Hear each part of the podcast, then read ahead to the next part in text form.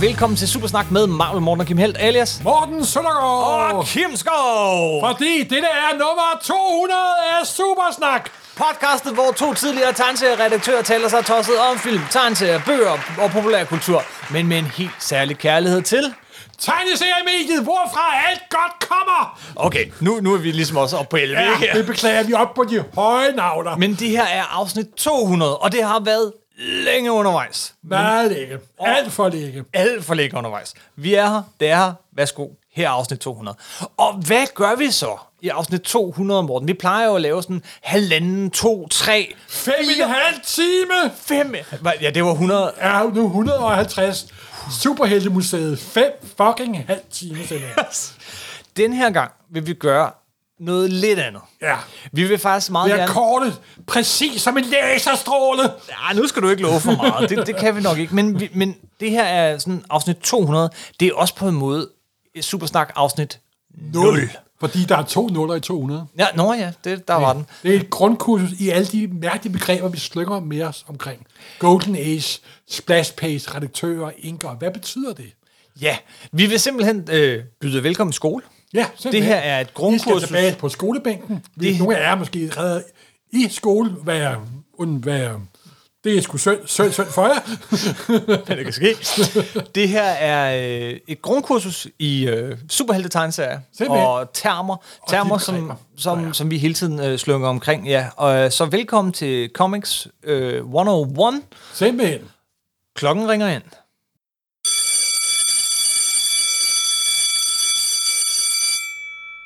Første time, første afdeling, første del af, af det her, det kommer til at handle om tegneseriens historie. Ja, og alle tegneseriehistorier, i hvert fald i den lidt ældre slags, de startede altid med én ting. Hulemalerierne og hieroglyferne. Ja, for det, Det var stensikker ja. hver gang, fordi Den var stensikker. Lad os prøve at give den her lidt udsatte genre sådan et skær af autoritet. Så vi går sgu helt tilbage til huleborerne. Sebastian. tegneserier ikke for børn, ja. de gamle ægypter. Ja. Og så efter huleborerne og de gamle Ægypter, så stod selvfølgelig brydetapetet øh, for skud. Ja, ja. Men tegneserier hænger jo sammen med en industriel revolution og masseproduktion af læsemateriale. Det startede med de amerikanske avisserier i slutningen af, halvfe- af, slutningen af forrige århundrede. Og der var serier, den serie, der hed Yellow Kid og Casimir Kid, der var inspireret af en tysker, der hed Max og Morris. Ja. Og der kom det hele derfra. Og de første mange år, det der hedder sådan præhistorien inden for de tegneseriehæfter, vi holder så meget af, det var avis-tegneserierne. Ja. Og de første mange år var det humor, der var dominerende, men det var også der, hvor hele sproget det blev udviklet.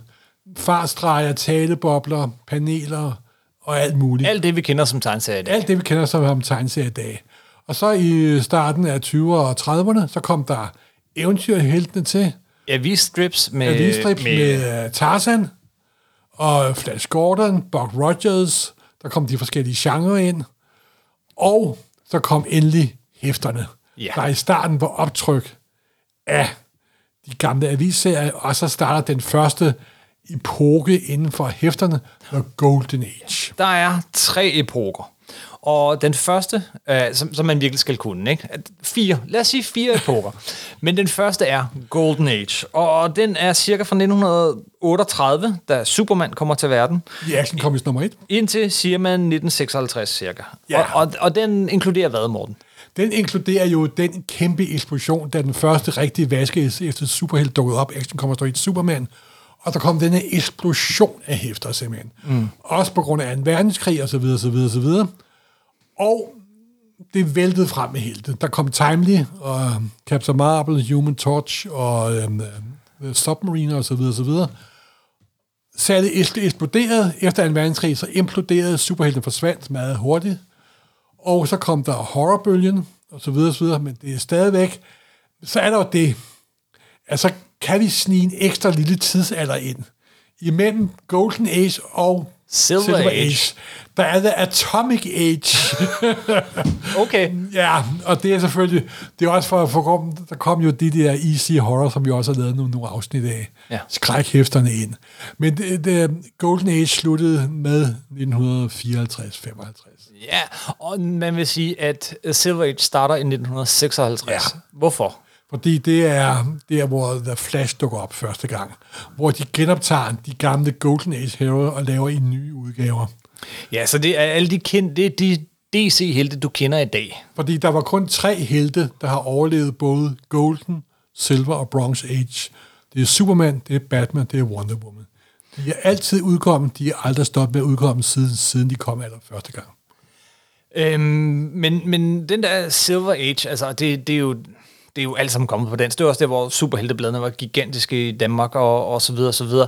Øhm, det er Silver Age. Det er også den sådan lidt uskyldige tid i, den i lidt, lidt naive superhelte. tid. Lidt naiv. Men det var altså, DC startede jo det i 56, så hoppede Marvel på i 61, Mhm. mm-hmm. hvor superheltene fik følelser og familieliv og, pro- og problemer Fantastic Four, Spider-Man, Hulk og så videre og så videre. og så videre. Og det varede så op til slutningen af 60'erne, starten af 70'erne. Hvor at man siger, at Silver Age ligesom døde ud, og der startede en ny tidsalder, som Ja. ja. man kalder for Bronze Age. Det er guld, sølv, bronze. kan I huske det? øh, og, det- men man siger, at Silver Age dør, og Bronze Age starter altså, Altså, med der- et bestemt nummer. Ja, og det er øh, Spider-Man nummer 121. Mm. Hvad er det, der sker der? der? Da Gwen Stacy dør. Uskylden forsvinder. Simpelthen. Og der er altså selvfølgelig mange lange diskussioner om, hvorvidt og hvorledes og hvordan og så videre, men det er et udmærket punkt. Det mener. jeg.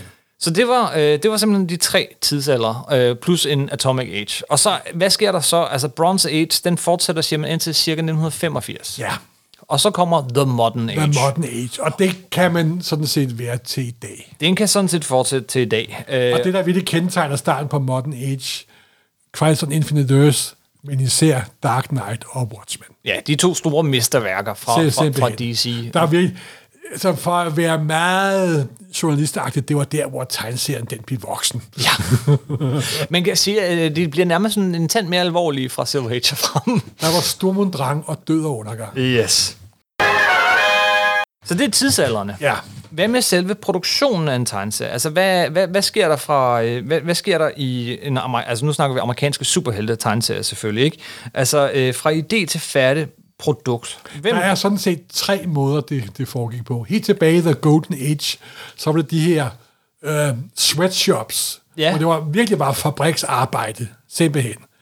Så øh, hvor det, der, du bestiller et hæfte, og så sidder 30 mand og arbejder på det, og ikke nogen, der ved, ikke hvem, og laver alle der historien sammen. Det var simpelthen bare øh, at få det her lort faldet så hurtigt som overhovedet muligt. Så senere i 50'erne, så kom der et lidt mere sådan almindelig produktion, med en redaktør og nogle, især mange tegnere, der sad derhjemme og arbejdede, og forfattere, der sad derhjemme og arbejdede, hvor redaktøren sådan samlede. Det var simpelthen redaktøren, der fik en idé. Og så... Øh, jamen, vi kan tage den fra en ende af, faktisk. Ja. Fordi det hele starter med en udgiver, Ja, Øh, og de, og de, de var meget markante dengang. Altså, du har for eksempel øh, Goodwin, der var udgiver for Marvel øh, Comics, Timely Comics dengang, og sådan en meget styrende kraft. Og s- øh, hvem kommer så på ideen til en historie? Det gør jo typisk forfatteren eller forlaget. ja, simpelthen. Og, øh, og så bliver der lavet en outline. Hvem skriver den? Det gør forfatteren, så- forfatteren som regel. Ja. Og fordi så kan han få redaktøren siger, ja, den kan, vi, kan du godt bruge mere tid på, simpelthen. Ikke? Og det er den standardmetode. Men Så er der en anden metode, vi tit nævner, som hedder Marvel-metoden. Ja, og det var jo der, da Stan Lee øh, havde succes med sin lidt nye take på superhelte, fandt han ud af, at øh, jeg har sgu da ikke tid til at sidde og lave outlines og så videre, og så videre. for øvrigt har jeg to fuldstændig fantastiske grafiske fortællegenier, der hedder Jack Kirby og Steve Ditko. Så de laver bare plot, så smider jeg noget dia- dialog på bagefter.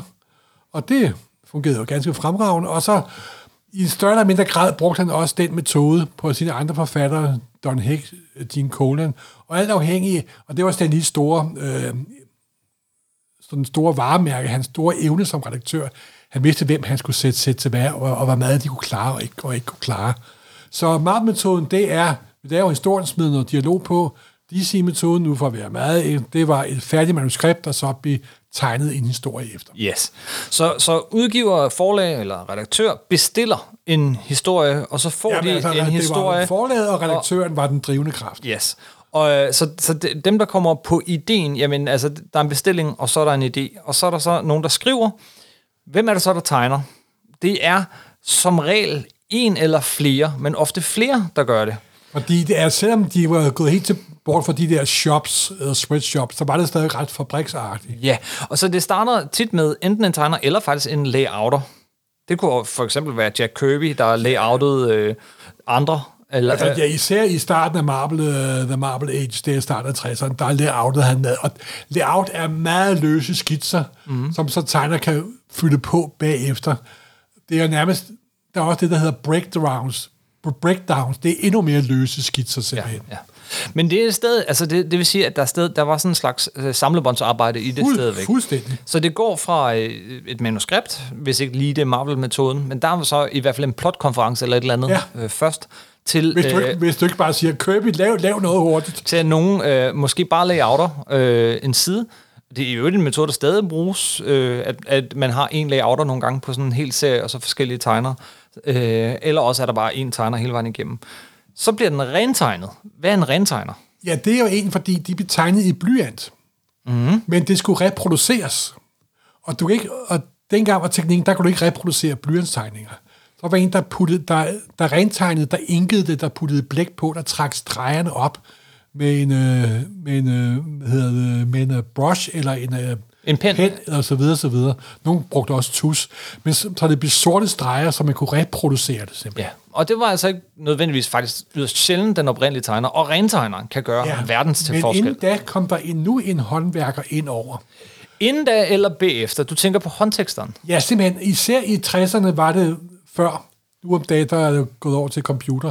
Men der, mellem øh, det var blyantstegnet og inden det blev rentegnet, blev det sendt til håndteksteren. Mm-hmm. Det er ret sagt. Så lavede, blev der puttet dialog på, hvis det, hvis det var meget metode, eller de havde manuskriptet ved siden af. Og så blev håndteksteren tegnet boblerne og tegnet øh, bu- bogstaverne.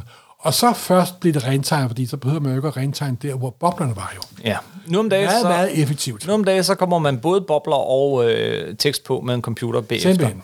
Det gør det også meget nemmere, når man skal oversætte dem. Ja, men det gør også nogle gange, at placering af bobler måske ikke er helt så effektiv, som det kunne være. Ja, og nogle gange, fordi det computerlavet virker som et fremmed element i en, i en ja. Ja, håndtegnet sag. Ja. ja. Det er rigtigt.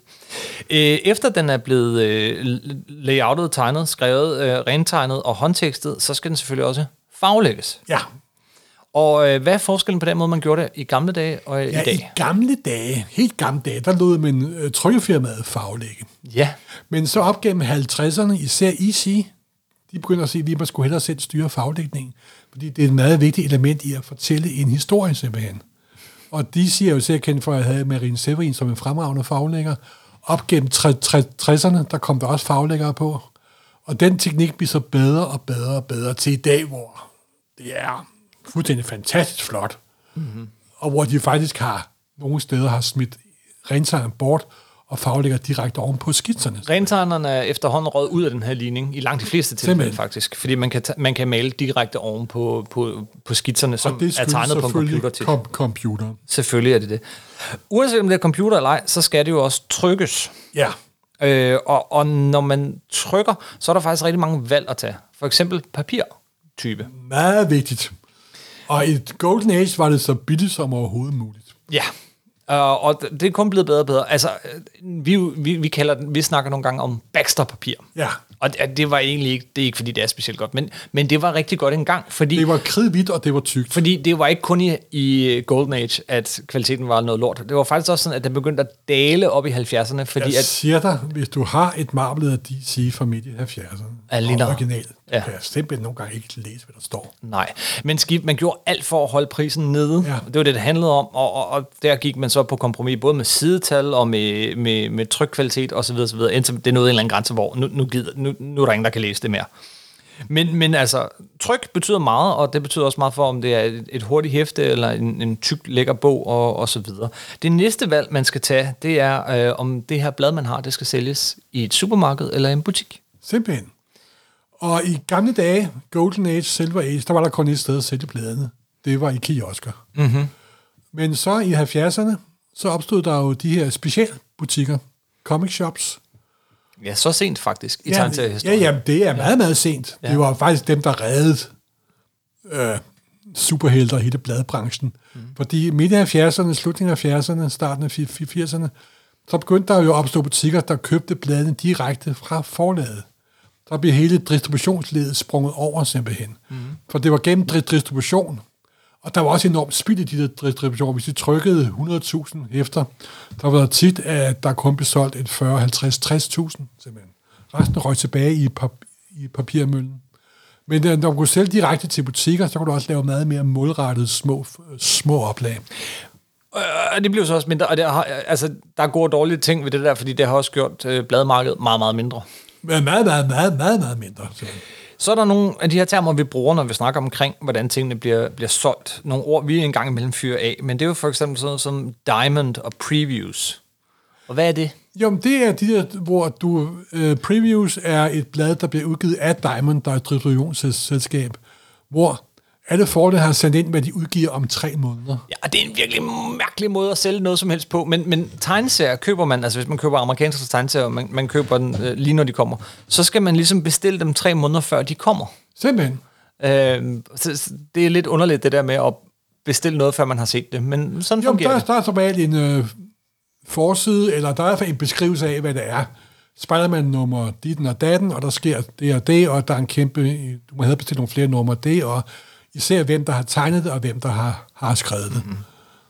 Så skal der sættes pris på, øh, på hæfterne, og igen, det var jo altså... I gamle dage var det all in color for et dime, og Ja. yeah. dime var 10 cent, og de holdt 10 cent meget længe. Meget, meget de længe. startede med at være 64 sider plus farveomslag, fordi indmaden og farveomslaget blev trykt to forskellige steder. Men så skulle de jo holde prisen, og så skrumpede hæfterne. Skrumpe, skrumpe, skrumpe, skrumpe, skrumpe, Helt skrumpe, ned skrumpe. til 17 sider. Ah, det var ikke så slemt. Det skrumpede ned til nogle 20 sider med 10 cent. Fantastic Four nummer 1 fra 1961 ja. er 10 cent. Så gik det over til 12 cent. Så steg det til 15 cent. Så steg det til 20 cent. Og så begyndte siderne at skrumpe.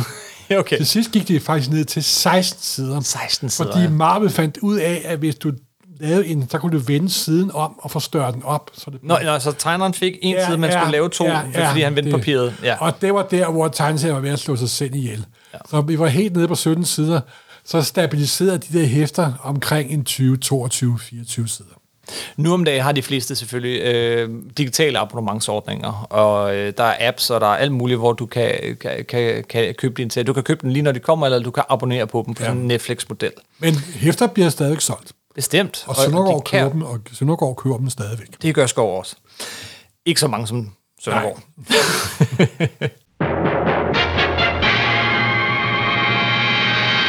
Hæftets anatomi, kunne vi, Simpelthen. kunne vi kalde den her afdeling. Hvad er et hæftets anatomi? Ja, først og fremmest så er der jo en forside og en bagside. Det er der. Og hvad er forsiden? Det er ligesom... s- øh, Især dengang, så var det salgsargumentet. Det var forsiden, der skulle sælge Det bladet. skulle være i flotte farver, det skulle være overraskende. det skulle være, og det galt om at lave pang. Og der sk- var et, øh, der var et logo mm. på forsiden, som var et Superman eller Ba- Batman, og der var et nummer på, og allervigtigst, der var en pris. Ja.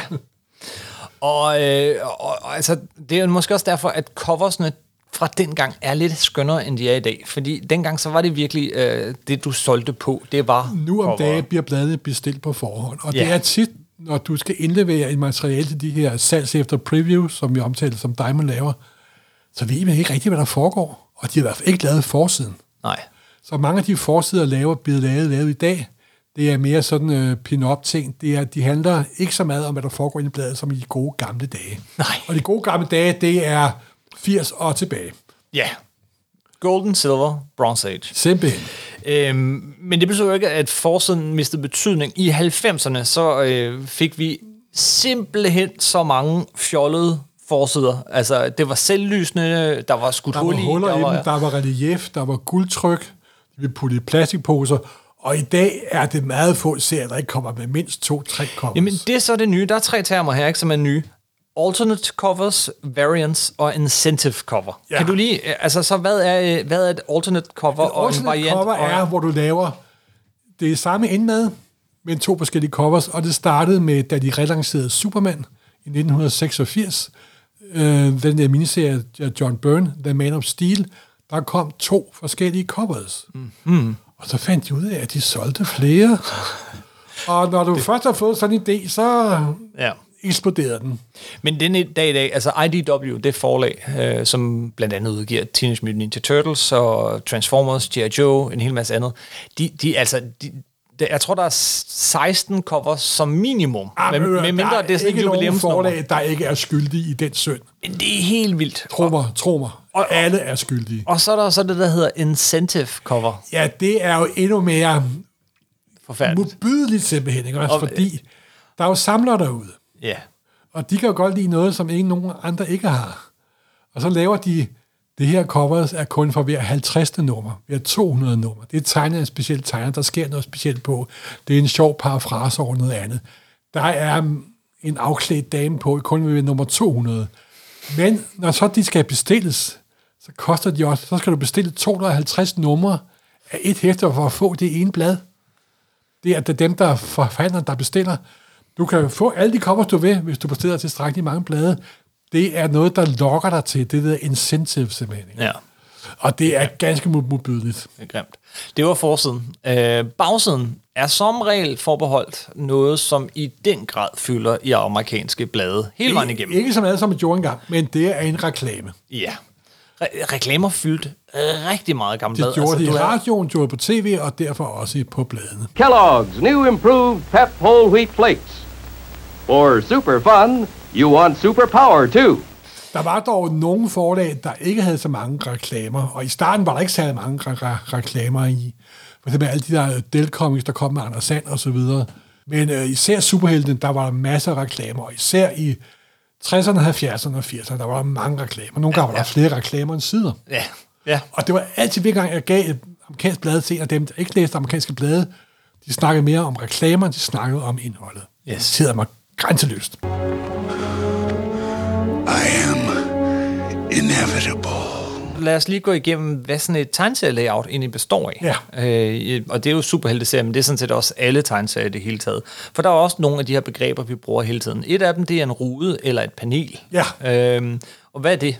Ja, det er jo den ramme, hvor inden handlingen foregår indtil næste billede, eller rode, eller panel, hvor der så den handling kører videre. Så, ja, ja, og, og så- der så- kan man... Ruden er... Ruden er det ene, det er firkanten. Nej, nej, den kan være alle mulige former. Ja, og nogle ja. gange har den slet ikke nogen ramme. Det er rigtigt. Men, og nu er vi inde på noget meget, der kan, vi kan lave 10.000 podcasts Det kunne om, vi. om, om det her. Men som regel kan man sige, et panel, det er jo der, hvor står en figur og snakker sammen med og slås, og så i næste panel, der er handlingen kørt, kørt videre. Det, og, og, og, øh, og hvis nu det var et, øh, hvad hedder det, en avisstribe, så snakker man om rækker, eller ja. Ja. tiers, Eller en strip. en strip. Ja. Ja. Så, så det er En simpelthen en avisstribe. række af, af ruder. Og det er som regel en 3-4 ruder, hvor handlingen starter, handlingen kulminerer, og så en pointe. Og imellem de ruder har vi mellemrummet. Mellemrum. Den lille øh, streg, der er mellem de to paneler, det er jo der, at tiden er. Eller det. tiden ikke er. det er nemlig derfor, den er værd at nævne mellemrummet mellem, mellem ruderne. Det er jo lidt ligesom Det er der, tiden i gamle er. dage, når du var inde i biografen, og der var saludfilm. Så viste de jo billederne 24 gange i sekundet. Men, det var, men de stoppede jo. Bum, stum, bum, stop, bum. Og det er lidt det samme som den godter er der. Det er det, er det der skaber tidsfornemmelsen. Simpelthen. ikke? Ja. Men nu er vi inde på noget meget akademisk, som der kan snakkes meget, meget, meget om. Nå jo, men det er, det er begreber, vi, vi fører af her. Paneler, ruder og, øh, og mellemrummet, øh, godteren, rammen ja. af de her ting, vi nævner. Øh, så er der også nogle specielle typer af sider, som vi... vi vi, du snakker altid om en Kirby splash page, Ja. og en, eller et spread. Hvad ja. er en splash? Hvad er et spread? Splashbill er den første side mm. i hæftet. Det er med åbner, og der står som regel titlen på historien, sker noget dra- dramatisk, eller noget ikke dramatisk, og så hvem, der har lavet det. Det er der splash page. Og et spread, Ja, eller dobbelt splash, som man også kalder det. Dobbelt det, splash. Det er to sider, og man- og det er som regel et opslag, ja. hvor det fylder det hele simpelthen. Og der er især Kirby var jo mester i det. Ja, det der med, når man tager et hæfte, man sidder og læser, man er en gang med en historie, så bladrer du, og så lige pludselig så fylder det bare hele dit lille univers, du er Så- inde i, mens du simpelthen. sidder og læser. Det er, det er en double splash, kalder ja. du det, eller et spread. Det, er, det kan være ret fantastisk, og det, det kan også overbruges. det kan overbruges især, især i 90'erne. Så består øh, tegneserien selvfølgelig af nogle ting, og nu nævner jeg dem bare lige hurtigt, så kan du lynhurtigt sige, hvad det er, fordi øh, noget af det er, siger sig selv. Men øh, der er nogle faste elementer. Taleboblen. Det er taleboblen, og den kan være både en tankeboble og en taleboble, Og, der, og der kan man forme ad, om de visker eller de råber, der kan være pigge på osv. osv. Der er jo en, det er simpelthen et grafisk symbol, der viser dialogen. Ja, og det er noget af det, der opstod helt tilbage med, øh, med aviserne. Simpelthen. Det var især ham, der lavede Ka- kassen i Amarket og så videre, så videre. Det var udviklet gennem avi- aviserne, og så overtaget af tegneseriehæfterne. Så er der captions. Ja, og de har jo erstattet øh, tankeboblen. Tankeboblen mm. eksisterede op til omkring 80'erne. Kæft, de her små firkanter af tekst. Ja. Og i gamle dage var det, helten sprang ud af vinduet og greb øh, Louis Lane, inden hun faldt til jorden, hvorfor der var et billede af Louis Lane, der bliver grebet og ikke faldt til jorden. Ja, ja, eller en klassiker. Pludselig, eller ja, i næste simpelthen. øjeblik. Tænk Blake and Baltimore, ja. simpelthen. Ikke? Men nu om dage er taleboblen næsten aflivet, det er Frank Millers skyld, og nu er den indre dialog, tankedialog, den er flyttet over i de her Captions. tek- tekstkasser, og det kan virke utrolig effektivt. Ja, virkelig, virkelig, virkelig. Så er der også noget, Men i som gamle, er, men i gamle dage blev det også brugt til meget, dilo- meget melodramatisk tekst. så er der også noget, som tegneserien virkelig kan, og jeg håber ved Gud aldrig, den holder op, fordi det er noget, der er skideskønt, men det er der, hvor at tekst og billede virkelig flyder sammen og bliver til et. Det er Det bliver lydeffekter. til tegneserie. Ja. Onomatopædi kalder man det. Uha! Og det er lydeffekter. Ja. Vroom. Lyd, lydord. Ja, lydord. Room og Bang, screech chok, Ah, og, bung, ah, tok. og bang. Og, Kurk. yes, man ser Don Martin for sig. Ja. det er fantastisk. Og, og det er sådan ligesom hovedingredienserne i en ja. tegneserie. Det er nogle af de begreber, vi bruger allermest.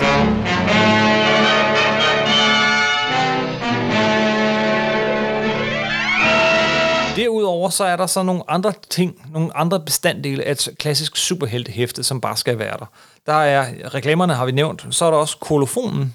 Ja, og, og det er simpelthen den lille bitte tekst, hvor der står med småt, og det er fordi, det skal man ifølge lovgivningen, der står mm-hmm. med, hvad, hvem hvad er for et øh, forlag, der, ud- der ud- udgiver den, hvornår udgivelsesdatoen er, og hvilken øh, vold, hvilken sådan udgivelsesnummer der er. Hvilket land det er trygt i. Men det vigtigste, det vigtigste er... hvilket- Copyrighten. Ja, det, okay, det er det vigtigste. det vigtigste for samlerne er oplag. Oplag, ja. Er det første oplag eller anden oplag? Ja, og det kan nogle gange godt, fordi det er jo ikke alle forlag, der var lige sådan nuagtige med at angive, hvilken oplag det var, og hvilken forlag der var, osv. osv.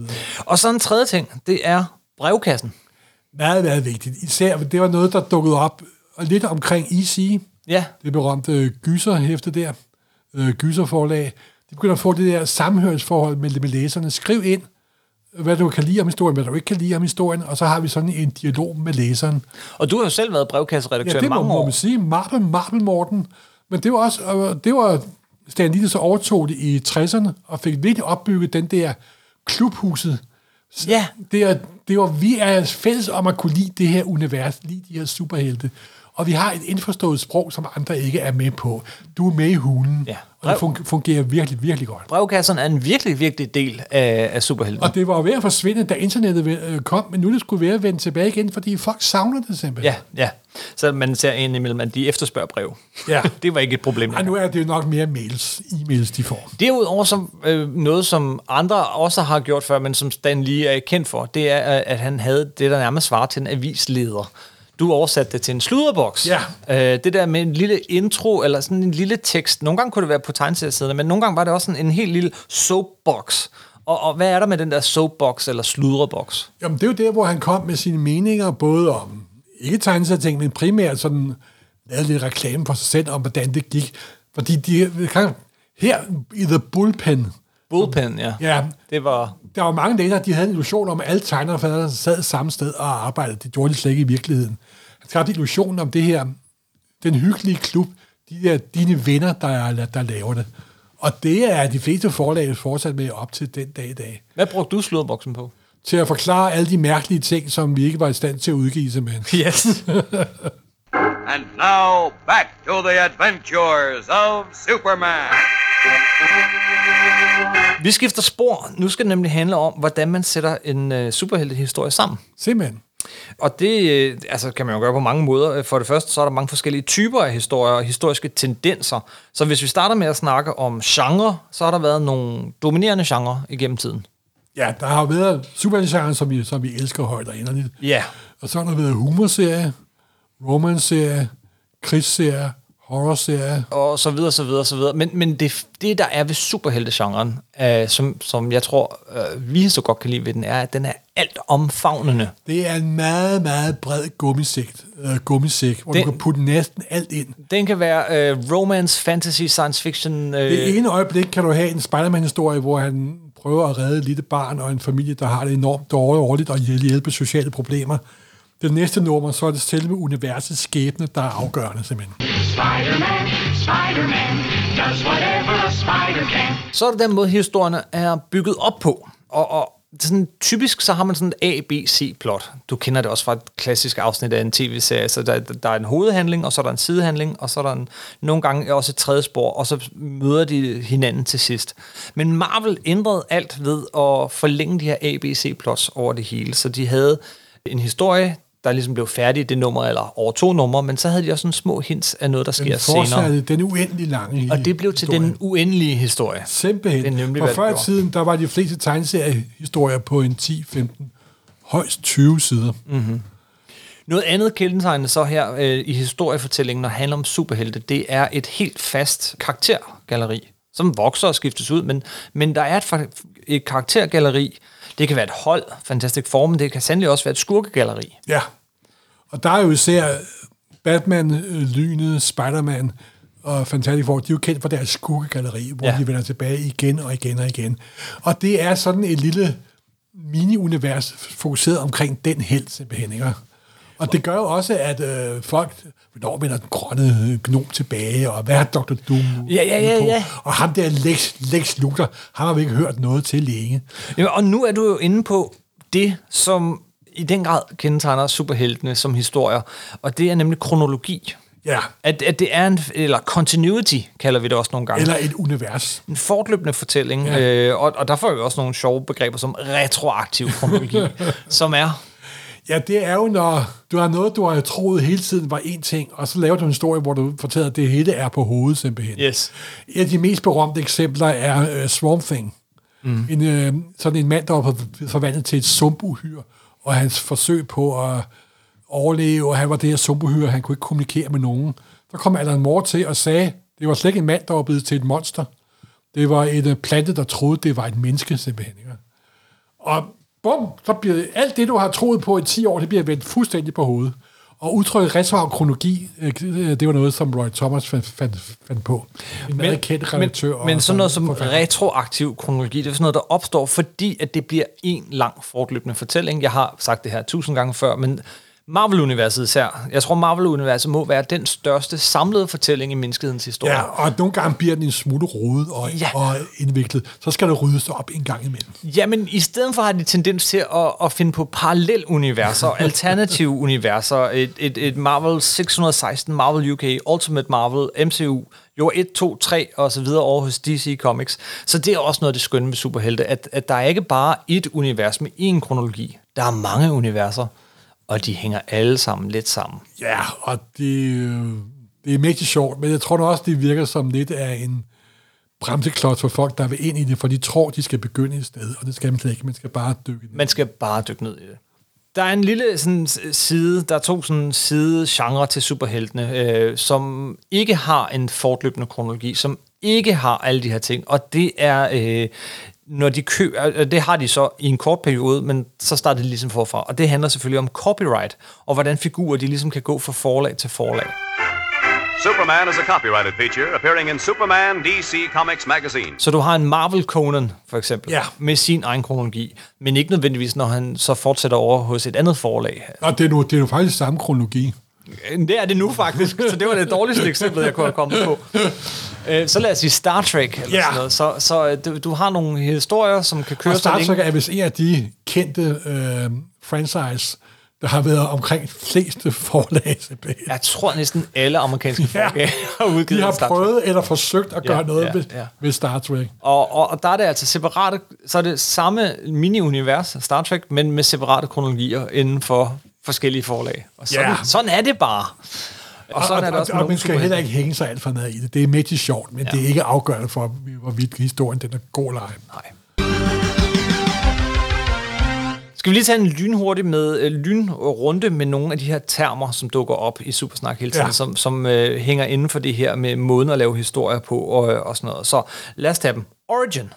Det er selve historien med, hvordan blev Captain America til, Cap- til Captain America, hvordan blev Spider-Man til Spider-Man, han blev bidt af en radioaktiv edderkop. Det er en origin. Starten på helten. Team-ups. Det er, når helten møder en anden helt. Ja. Simpelthen. Simpelthen. Superman møder Batman. Hov, hvad laver du her? Vi skal sammen. Vi skal have loot, looter ned med nakken sammen. Til forskel fra crossovers. Ja, det er en historie, der går fra et hæfte til det andet. Det går fra Superman-hæfte over i et Batman-hæfte videre til et Flash-hæfte. Eller fra DC til et Marvel-hæfte. Uha, det er meget sjældent. Og især ikke nu, hvor de ikke snakker med hinanden. Men et crossover, det, det er rigtigt, det er vigtigt, at det, et crossover er der mange, der kun forstår som, når man sk- øh, øh, har forlags crossover. Nej, nej, nej, nej. Det Men- men, kan men- men, gå fra Batman til Superman til, Præcis. til, til Flash. Det er et crossover. Hvad så en cameo? Det er, når han lige dukker op. Det er typisk Spider-Man, der lige skal Ja, introducere serien. han svinger lige forbi. Hey, her er jeg! Og så er han væk, væk, væk igen. Så er der øh, et hæfte, der hedder en annual. Det er årshæfte, fordi Årshæfte. der kom, de fleste hæfter kommer en gang om måneden, 12 numre, Mhm. mm-hmm. nogle gange hver anden uge, så er det 24 numre. Men der kommer som regel også et lille specielt hæfte, et årshæfte.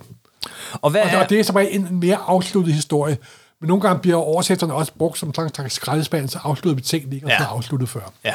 Det har altså mange forskellige ting. Nogle gange hænger alle år- årshæfterne sammen til en lang historie, Men altså, hvis vi siger øh, annual, så mener vi bare årshæfte. Årshæfte. og de er som regel noget tykkere og koster mere. Ja.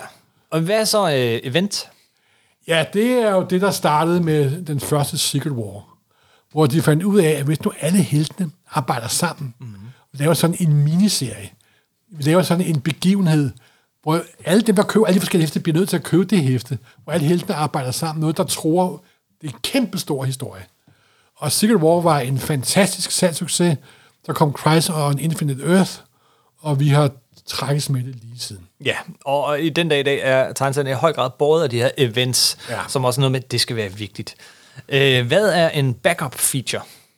Ja, det var jo for eksempel uh, i Detective Comics, der var Batman hovedfiguren, men så var der som regel en anden lille kort historie på 5, 6, 7, 8 sider. Det kunne være Grønne Pil, det kunne være Martian Manhunter osv. osv. Så der var faktisk to forskellige øh, historier i samme hæfte. Yes. Hvad er et run? Ja, det er jo en, en lang række af gode historier, hvor der er en afsluttet historie. Ja, Jamen, ikke? el- eller et forfatter og tegner Ja, øh, for, team op. ja, for eksempel en meget berømt Spider-Man Run. Det er alle Steve Ditkus og Stan Lees numre. Ja. Men det er også for eksempel fra nummer 30 til 33, den mest berømte af alle, The Masterplaner. Så det kan både være en tegner og forfatters hele produktion, det kan også være en speciel story arc, Galactus-trilogien. Også et fantastisk run. Men en run betyder nu primært en længere række af historier, der hænger sammen. Yes. Hvad er så en story arc? Ja, det er nogenlunde det samme, men det er mere for eksempel Galactus-trilogien. Ja. Det er en story arc, det er en 5-6 hæfter, hvor der er en, en bue af historie, der hænger sammen. Det er jo noget, som produktionsmæssigt ting har, har påvirkning på. Det her med, at man har indført trade paperbacks, hvor man, man har s- fem eller seks numre, så samler man dem i et hæfte, og det har så haft en indvirkning på, Det ja, hvad en story arc enorm er. Mhm. indvirkning, fordi nu er det klumper nærmest. Mm-hmm. Og de der sådan lange subplot, der kørte, de er næsten afskaffet. Hvad er et one-shot? Det er, som titlen siger, et enkelt hæfte og en enkelt historie. Hvad er så en ongoing? Ja, det er Superman og Batman og Wonder Woman, de har, jo- de har kørt lige siden de startede. Det er jo en uendelig serie, som forlæggeren håber aldrig slutter. Hvad er back issues? Ja, det er jo det, når du ikke... Jo, jeg mangler nummer 32, hvor, hvorfor er det ikke er udsolgt? Hvor- Så må man gå hen i brugtbladsforhandleren, eller gå på nettet, og så betale alt for mange penge.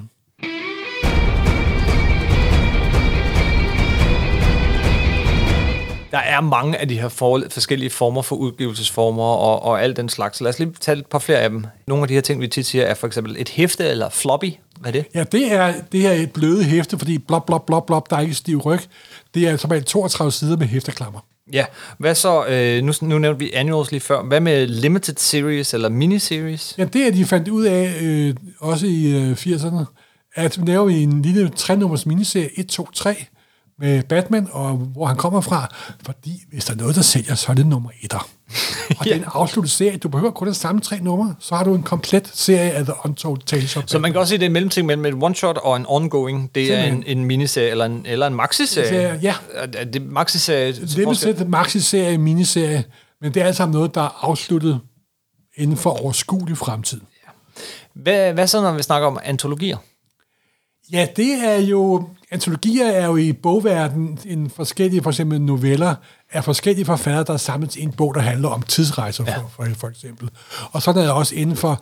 Der er jo en antologi kun med julehistorier, hvor der både kan være julehistorier med Fantastic Four, med Spider-Man osv. osv., osv. Men- Men, det er sådan en temating. Ja, men det er også, hvis man kan lide tegneserier og har købt dem fra England for eksempel, op igennem 80'erne, så vil man vide, at der kom med, med mange af de her superheltehæfter øh, sådan på ugenlig basis, eller du havde sådan noget som 2000 AD og Judge Dredd og sådan noget. Nå, og det ja. bliver også kaldt an, an, Og, kunne jeg, antologier. og jeg havde lidt, en lidt anden opfattelse af det, ja. ja. Du har men- fuldkommen ret. Men det er også antologier. Det er som blade med følgetonger, ikke? Ja. Hvad er, jeg sagde det lige før, så nu må vi hellere få svar på det, hvad er en trade paperback? Ja, det er jo, for der blev startet, først kunne man kun sælge hæfterne gennem, det var kun hæfter, der solgte tegneserier, superhelte-tegneserier, men så op gennem øh, 80'erne begyndte de at lave dem samlet som en, de to, tre, fire hæfter, kom i sådan lidt halvstift bind, mm. sådan i, ligesom en almindelig paperback, bare, bare lidt større, der kunne man sælge dem til tegneseriebutikker og til boghandlere. Uh. Og det, der var virkelig slået igennem, det var den første trade paperback-udgave af The Dark Knight af Frank Miller. Ja. Det skabte et kæmpe trade paperback boom, der kører den dag i dag. Det bevirkede også, at det er meget lettere at få de der historier, du ikke kan få ved at samle hæfterne. Det er så meget nemmere nu. Det er 10.000 gange nemmere. Du køber bare trade paperback. Der følger nogle gange bliver lidt udsolgt og ikke udsolgt, men det er som regel rimelig nemt at få fat i næsten alle historier nu gennem trade paperbacks. Og ligesom vi har de her med sådan halv, halvstiftbind, så har vi selvfølgelig også hardcovers. Hardcovers, ja, og det er med stift bind, som er i sydryggen, lidt større og dyrere. Og, og dem er der mange forskellige af. Og her kommer Mange. et par stykker af dem. Der er Essentials. Det, er faktisk, det var faktisk også trade paperback, Ja. yeah. det var sort-hvid optryk, som både Marvel og DC Marvel kaldte dem for previews. Jo, jo, ikke? Jo, det var lige meget. Det var sådan en stor tykke telefonbøger, hvor det var trykt i sort-hvid. Ja, dem har jeg mange af. Men ja. så lavede de selvfølgelig også deres hardcover-udgave, det kan man sige Marvel Masterworks. Ja, det er meget lækre hardcover-udgaver af de klassiske ting, og der har det Marvel lavet omkring en 300-400. Ja. Og der er det tryk kronologisk deroppe. Yes. Og i, i, i, i et særligt eksemplar, ikke? Altså, de er sjældne. Ja. Ja. Epic Collections, DC Archive Editions, det er også nogle af de her ting. Øh, lidt det samme. Altså, det er samlinger Det er af... Øh, samlinger, og de er blevet bedre. For eksempel Epic inden for Marvel er virkelig gode. Mm. Og de er virkelig gennemførte, men de er dog ikke udgivet i kronologisk rækkefølge.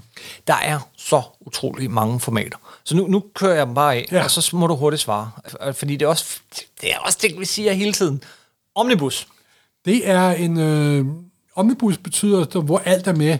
Der er selve hæfteren, hvis du samler de første 30 numre af Spider-Man. Så er der også alle pin-up-siderne, og der er alle brevkassesiderne med. Der er alt der med. er alt med, simpelthen. Det er en omnibus. Så man kan få en omnibus med det her run ja. Ja. af Spider-Man med Steve Ditko og, Spi- ja, og, simpelthen. og Stan Lee, inklusiv brevkasser og ikke, sludderboks. ikke inklusiv det hele. Yes. Så er der Compendium.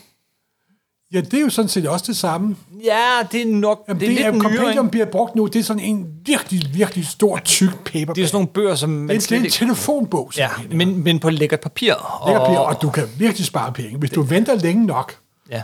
så kan du få lidt meget i kompendium, og så kan du få meget mere til færre penge. Du kan få hele Sandman, alle 75 numre og sideserier i tre compendiums. Simpelthen, Tre simpelthen. bøger. Ja, Tænk så. det er rimelig, det er rimelig effektivt. Ja. Så er der uh, Prestige Edition. Eller Ja, det er jo sådan nogle Prestige-format. rigtig lækre udgaver, hvor der er kæde for trykkvalitet og indbinding og det hele. Graphic Novel, hvad er det? Ja, det er jo det store. det er et begreb for at sælge tegneserier til folk, der ikke vil købe tegneserie. Det er grundlæggende en uh, samling. Ja, Ja, men- men, det, er, det er sådan et album eller en lille bog. Ja, men det kan også være en original graphic novel. Ja, det kan det være. Og det var noget, der startede... Hvad den første graphic novel er, det er en diskussion, vi vi ikke skal tage her. Men den som folk, som han peger på, det er en kontrakt med Gud af Will Eisner. Men det er nu om dagen bliver det også meget brugt. Ikke alene den måde, det er sammen på, men også hvad det handler om. Mm. Nu om dagen bliver det opfattet mere som sådan noget mere personligt. Noget, der ikke er genrebaseret. ja. Simpelthen. Men det forhindrer ikke superhelte, superhelteforlagene i at udgive øh, OGN's, ja, som det også bliver original kaldt. gra- og det er Mhm. fuldstændig... Og graphic novel er et meget betændt ord, mm-hmm. som jeg ikke ynder at bruge. Der er flere øh, forskellige formater at udkomme i. Så er der for eksempel Artist Edition. Ja, det er jo, hvor øh, nogle forlag har taget originalsiderne og udgivet i originalstørrelse. Men det faktisk fokuserer sort-hvid i farver. De er så lækre. Og nogle af dem er meget lækre. Især dem, hvor tegner har lavet en masse dækvidt Ja, ja, med og skrabet væk og retteblik tegnet og- om og så videre, så videre. Men det er en Artist Edition. Men der er en tegner, du aldrig skal købe en artist edition af. Det er David Gibbons. Ja. Fordi han er så perfekt og laver aldrig fejl. Så hans artist edition, de er jo røv kedelige. Ja, det er bare en Jeg stor- vil hellere have kaffepletter og dækvidt og huller i nemlig, bladet. nemlig, nemlig. Og især hvis det er Kirby, så er der øh, små kommentarer og beskrivelser af, hvad Stan Lee skal skrive. Eller Walter Simonson. Simpelthen. Der er kaffeblæder. Ja, simpelthen. Hæft, han holdt Det ikke styr skal på være den så ting. rodet og svinet som Ja. overhovedet muligt. Så er der øh, minicomics, øh, scenes, albums, manga, mar- mar- marker, øh, motion comics, digital comics og webcomics. Hvad er der at sige om alle dem her? Det er, at det alt sammen er sådan, webcomics og motion comics, det er et forsøg på at tage internettet med og lave tegneserier. Og det er totalt mislykkes at lade være med at læse dem. Men, og alt det andet, albums kender vi. Øh, scenes, det er små, øh, billigt produceret på en, på en kopimaskine, typisk i gamle dage. ja, og det er amatører, der har lavet det. Øh, Ja. Og, det er, og der er virkelig energi i, og det er en helt anden, anden, anden verden. Det kommer af magazine. Ja, og minicomics, det, det var også typisk amatører, men ikke nødvendigvis. Det kunne også bare være små bitte tegneserier. Ja, og så er der også en helt tredje ting, der hedder Ashcan Edition. Ja, Der nogle gange bliver lavet, når de skulle til at beskytte en copyright, så lavede forlaget en lille hurtig sort-hvid kopi på 5-10 eksemplarer, som de så... Nu har vi copyrighten på Captain Marvel, eller på Spider-Man, eller Spider-Woman. ja. Simpelthen. Og der er nogen derude, som samler meget gerne vil have fat i, fordi de Og- blev trykt i meget få eksemplarer. De er meget sjældne, og det er fuldstændig vanvittige summer, de, de går til. Manga og øh, manhwa, det er, det er simpelthen bare japansk for tegneserier og koreansk for tegneserier, øh, og et større marked, end vi overhovedet har her. Langt, langt, langt større marked. Øh, hvis vi skal have det hele med dem, så kan vi da også nævne Instik. Insta. Ja, det var øh, noget, de brugte i en tid, hvor øh, der lige pludselig indhæftet, så var der sådan 16 sider, hvor de reklamerede for en ny serie. Den nye Teen Titans. Den Teen Titans Det er det mest kom- berømte eksempel, ja. Øh, Teen For mig- Ti- Ja, ja. ja. Teen Titans, der lavede de 16 sider, der kom i mange hæfter for at reklamere for nummer 1. Ja. Det er sådan en slags nummer, nummer 0. ja, Og det er de gået totalt bort fra igen. yes.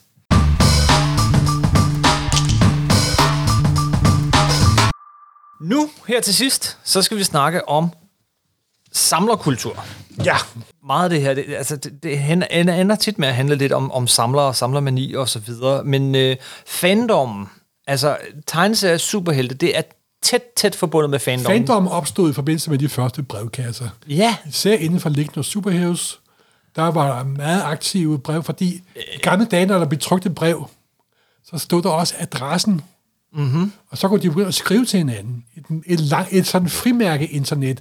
Men fandom er også noget, der stammer helt tilbage fra science, den tidlige science fiction. det var nemlig det, jeg ville sige. Den første sådan kon, den, det, der er vi tilbage i New York 1939. Simpelthen. Og, og igennem fanscenes. Og, og det var science fiction fans. Ja, det var science fiction fans, men deraf kom jo for eksempel Siegel and Schuster, Simpelthen. som skabte Superman. Ja. Og, og rigtig mange af de største kendte tegneserieforfattere og tegnere, de er og jo- så redaktører. de de var, og redaktører, Tidligere science, science fiction fans, ja. simpelthen. vokset op i fankultur. Øh, og så, ja, fanzines. Ja, det var sådan noget, der kom i 60'erne, hvor jamen, jeg elsker simpelthen Marvel, så vil jeg lave et blad om Marvel og de nyheder, der er. Der var ikke noget, der, der, der hed internet dengang. Så, og et- der er så en som Roy Thomas, han startede som redaktør af fanzine, hans berømte alter ego. Så det var en måde at kommunikere på. Altså det her med at kunne sende øh, ja, brevkasserne Jo, frem og men, og, tilbage, jo, men, altså, og så, lavede, du- så fanzines. trykte du dit eget blad, Ja. med, som regel med en sprit, det blev duplikator, eller hvis du var så heldig, du kendte en, der havde en lille trykkeri, din far, arbejdede, far og mor arbejdede på et trykkeri, og så kunne man udgive et lille blad, som du så sendte til andre sådan for um, en halv dollar eller 25 cent. Det svarer lidt til en blog eller en podcast. Ja, Øh, men, men en ting var, at man kunne kommunikere sammen. Man kunne også mødes. Og så Ja. opstod det, der hed conventions. conventions. Eller bare en con. Og den første tegneserie-convention, det var i øh, 1960'erne i New York. Ah, 1939 i New York. Hvis Nå ja, den det er tegneserie. Tegneserie. Okay, Superhelte. Ja. Ja. Superhelte. Og- Ja. Det er sådan en lille sidespring. Der skal være et sidespring i det her afsnit. Ej, der er mange. Det var den første tegneserie-convention, der var i 60'erne i New York. Ja. Det var første og eneste gang, at Steve Ditko nogensinde mødte op til en tegneseriefestival. simpelthen. Øh. Og siden er der stort set ikke taget fotografi af ham. Nej, simpelthen. Nej. Han fik et chok for livet. Når vi snakker samlerkultur, så bliver det også nogle gange sådan altså, s- så bliver det meget specielt nogle gange. Ikke? Så, så nu kommer der nogle flere begreber, Ja. øh, som du lige hurtigt må forklare. Hvad Ja. ja. vil det sige, at man har backed og bordet sin tegneserie? Det er, at fordi hvis der er noget, Samba er interesseret i, så er det hvilken stand bladet er i. Nej, Ah, nej, det kommer vi til. Nå. Bare backed and boarded. Det vil sige, at du har taget en plastikpose med et lille stykke øh, støttende pap og puttet bladene i og lukket det med tape. Ja, det kunne vi aldrig finde på, vel? Nej, aldrig. Aldrig. Jeg har aldrig gjort til det. Men så kan man jo passe på sine blade. Og For så, mig kan handler... man, og så kan man sidde og røre ved det, ja, uden at røre ved bladet. Uh, ja, og man kan bladre i dem og alt sådan noget. Ja, man kan ikke bladre i bladet, men du kan bladre i bladene. Ja, ja, nemlig. Man kan bladre i bladen. Man kan aldrig bladre i bladet. Nej. Men jo, jo. Ja, ja, ikke medmindre du så har en slapped edition. Ja, men nu kommer vi ind på noget af det mest modbydelige inden for ja. Ja. samlerkulturen. Og det er... Det er, at man vurderer det, hvor meget det er værd. Ja. Og der er jo firmaer, CGC, for eksempel. CSC, som der lever af, at du sætter dit øh, forventede dyreblad ind i en meget flot stand, Mhm. mm-hmm. og så, putter, så, be- så bedømmer, bedømmer de, skriver en karakter På en skala fra... fra 0 til 100. Simpelthen. Og så... Øh, Så kan, hvis du er rigtig heldig, så har du Spider-Man nummer 1, og det er 9,8. Ja. Så er du millionær. Ja. Og så bliver det forsejlet i en plastikkasse, så, Så så ikke ingen- nogen nogensinde kan røre det mere. Åh, oh, det gør helt ondt. Ja, og jeg Jamen, bryder gør- mig ikke om Nej. det. I virkeligheden tager man sin tegneserie og forvandler dem til værdipapir. Det bliver til aktier. Ja. Simpelthen. Øh, men, men der er også nogle termer, vi bruger, når vi snakker om det her med at, at Og graduere dem. graduere dem. Ja. Der er jo, mm, jamen, hv- hvis man skal sige det godt, der er fra, fra top til bund, så er der min condition, near mint, very fine, fine, very good, good, fair, poor. Og det er blevet mere og mere i gamle dage, da den første price guide kom. Ja. Fordi der begyndte de også at lave lister over, hvad bladene er værd. Plus man kunne se, hvilken blad der var kommet. Overstreet Price Guide den kommer stadigvæk. I starten havde de kun tre. Kategorier, Good, fine, mint. ja. Det har de ikke længere. Så udgav de en bog i slutningen af 90'erne, start af midt-90'erne, hvor de man kunne se graduerede blade fra 0 til 100. Mm-hmm. Det er så, hvad jeg brugt nu, at nu bruger man 1, 2, 3, 4, 5.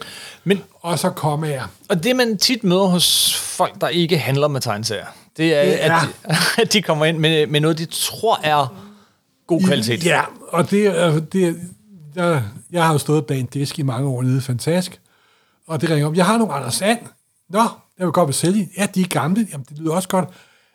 Hvordan siger de, at de er enormt flotte, de er lidt læst, siger de folk. Så kommer de ind, og så får jeg en bunke super læsede blade, hvor jeg ikke engang vil røre ved dem. Ja. Og det er også fuldstændig i orden, fordi blade skal læses. De skal ikke forsejles i plastikkasser, i sakrofager og dø, simpelthen. Ikke? Men samlere kan godt lide, at bladene er i pæn stand, og jo pænere det er, jo mere mint de er. Mint. Og det, mint, det, er et pænt. udtryk, der kommer fra møntsamler, fra en, mø- en, mø- en, øh, mønt, der er blevet myntet. Nemlig det der. er der. blevet trykt. Så den skinnende og ren og perfekt. Ja. Og det er nærmest uopnåeligt, og den højeste grad er 9,8. Derudover, så er der jo også nogle sådan afstikker. Så For eksempel, så, især de senere år, så er der opstået sådan en i- idé om, at nogle s- enkelthæfter har en særlig kvalitet. Der er noget, man kalder for key issues. Ja. Og major key og minor keys. Ja. Første Spider-Man-historie nogensinde, Amazing Fantasy 5, det er selvfølgelig et key issues. Ja. Første gang, man ser Mary Jane, Spider-Man nummer 42, er et key issues. Første gang, Kryptolit optræder i et blad, det er et key issues. ja. Men så er der første gang, at øh, onkel Anders, der engang kom sammen med den og den, så er det blevet til en minor keys simpelthen, ikke også? Ja. Og så er der også grail issues, det er super keys. Uh. Action Comics nummer 1, det er en grail. Ja, det- Spider-Man nummer 1 er en grail. Øh, første, øh, hvad hedder det, Blade, Tomb of Dragon nummer 10, det er en grail. Og den har du lige fået. Nej, nej, jeg solgte den igen. Nå, med, okay. Med lidt fortjeneste.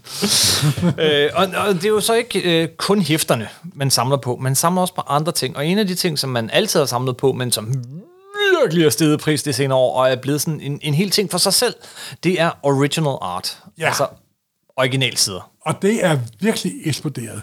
Ja, altså jeg har jo købt dem for en 100 kroner her og der, og et par Ja. ja. 100 kroner af, Lige- af tegneren. Those days are gone forever. Fuck, det skal jeg lige Der love er- for. I gamle dage, der anede, de, de fik lavet udgivet tegneren tegnet forlagene, sendte de til forlaget, og så trykkeriet sendte det tilbage til forlaget. Åh, hvad fanden skal vi bruge det til? Nå, men vi lægger det bare op et sted. Og hvis der kommer va- vandskade, så har vi noget at suge op med.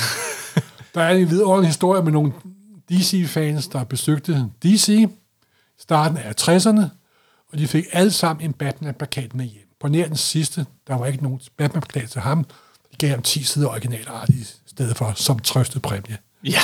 Hvis du fik et brev offentliggjort i Justice League of America i 60'erne, så fik du helt bladet som originaler. Ja. I- Jeg har set øh, f- øh, forhandlerpriser fra slutningen af 60'erne, starten af 70'erne. Ditko købesider til salg til 20, 30, 40 dollar. ja.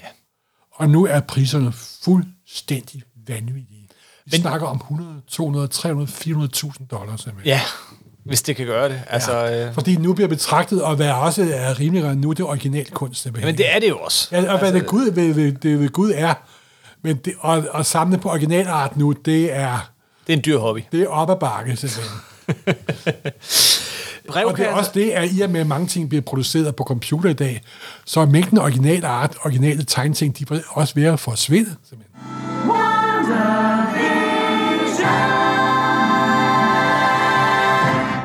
samlere, fans, de mødes på kryds og tværs, øh, kons og brevkasser og så videre, men altså online forumer var rigtig store, og er det til del stadigvæk rigtig meget. Der er tråde på Reddit og alle mulige steder. Men en ting, som i særdeleshed for tegneserier virkelig har været der, det er jo podcasts, Simpelthen. som du sidder og lytter til nu. Vi kan ikke nå at nævne dem alle, for der er virkelig mange tegneserie-podcasts. Men hvis vi lige skal slutte af med at nævne nogle øh, amerikanske og nogle danske, Ja. så kan man, øh, så vil jeg i hvert fald anbefale det, der hedder Comic Book Historians. De er, især hvis man kan lide øh, amerikanske superhelte, og de mennesker, der lavede dem, så er den virkelig grundig. Og laver faktisk nogle rigtig gode in- interview. Der er for eksempel et syv timers interview med Jim Shooter. Et syv timers interview, Syv og det er timer interview med skide Tim. godt. Det er faktisk ret sjovt. Hvis man kan lide den slags. Før dem, og i sådan lidt mere sådan øh, late show øh, t- øh, genren, så har vi et øh, podcast, der har kørt i virkelig mange år, som hedder Word Balloon med John Saunders. og det er, det er, øh, der er nogle af dem, der er virkelig gode, men der kommer alt for mange af dem. Der kommer alt for mange af dem, og han snakker alt for meget, men hvis man kigger i hans arkiver, så er der simpelthen interviews med alle de store.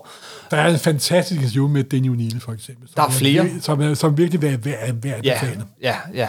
Helt klart. Så det skal nævnes. Så er der også altså, så mange af de her, øh, hvad hedder det, tegneserieskabere, som får deres egne podcasts. De fleste har dem. Altså en, en, en, som jeg ikke bryder mig om som tegner eller forfatter, men godt som podcaster, det er for eksempel Rob Liefeld. Ja, Fordi fordi han han- kan være noget... Han har nogle meget markante meninger engang. Jo, jo, jo, jo. Men det er også derfor, man har en podcast jo. Kevin Smith øh, gik jo fra at være filminstruktør, tegneserieforfatter, til at være podcaster først og fremmest. Det, det må, må man sige, det må man og har sige. skabt et helt lille imperium af podcasts. Og han kan snakke. Ja, det kan han så også. Øh, cartoons K-Fape, en af de nyere, som ja, Ja, er, det er jo meget sådan populær. en, øh, det er en YouTube-podcast jo. Jo, men de ligger også som øh, lydpodcast. Ja. Men Og, og, YouTube-podcast og der findes jo gennemgår de også. som regel et hæfte og forklarer, med, hvad de mener, hvordan de virker, og hvem der har tegnet, og hvad de kan lide om tegnerne osv. De er også vældig gode. Har du nogle YouTube-podcasts, du øh, er udenlandske, du godt kan Jamen, der er ham anbefale? der, der hedder Comics Trope. Ja, og det er... Han er sådan en rigtig glad fan, men han er faktisk også vældig god. Øh, han har sådan lidt mere, de er lettere at forstå. Det er jo også, man behøver ikke at være super fan for at kunne forstå, men han er meget grundig. Og også samtidig prøver han ikke at være alt for nørdet, simpelthen. Alright. Det kan vi se, han er, om han er bedre til end os så. Ah, det er sådan, vi er selvfølgelig de bedste. På dansk, der har vi jo øh, for eksempel, øh, hvad, øh, hvad hedder det, øh, der har været mange danske podcasts om, om tegneserier. Øh, jeg kan huske Undskabens Flyvende Vatikan startede. Ah, det er engang blevet interviewet til. Ja, det er også. De startede næsten samtidig som os, men det er øh, vist forsvundet. Rackham har så til gengæld øh, ja. Ja. opstået. Rackham, som jo er vores søsterpodcast. Det er Mathias Wiel, Thomas Thorhauke og øh, Frederik. Frederik Storm, ja, øh, og Henry Sørensen Ja, nogle gange. en gang med, men han har ikke været så meget med de, de Og sidste. tit og ofte gæster. Det er ligesom, øh, skal vi sige, den... Det er den hvad, hvad vil du sammen, sammenligne det med i forhold til Supersnak? Ej, Ah, de er jo, Supersnak er jo lidt mere po- populært. Ja, De, ja. de er sådan lidt mere, og det er et frygteligt ord, de er lidt mere akademiske i gåseøjne. Men de er vældig gode, og det er værd at lytte til. Der er tosset med tegneserier, som også er på, øh, hvad hedder det, øh, YouTube øh, Ja, primært. det er Mads Øh, og Dennis, og det er sådan mere et um, anmelderprogram. Ja, det, er- det er anmeldelser af nyere tegneserier. Ja. Ja. Så er der selvfølgelig øh, Jakob Stikkelmands Troldspejlet, men ja. Ja. også hans eget Stikkelkast. Simpelthen. Der har vi også begge to været gæst. Ja, Øh, og de er vældig underholdende. de kan og, være vældig Og underholdende. Jakob har jo en god radiostemme, ja. må man jo sige. Men alle de her podcast, det begyndte med... Supersnak! Yes! Vi er de første! og, ja, og Jacob fortalte mig faktisk, at vi var det første, første øh, podcast, som blev lagt ud på DR's podcast Ja, vi server. dukkede op på øh, Troldspejlets hjemmeside. Ja, Så derfor Nej, er vi, nej, og, og på iTunes og alle Ja, ja, de her steder, ja. ja. men, men før at DR lavede sine egne podcasts. Ja. Ja. Så vi er the original and best, Morten. simpelthen Og, og det må man jo godt øh, sige om sig selv, når nu man har afsnit nummer 200. 200. Simpelthen.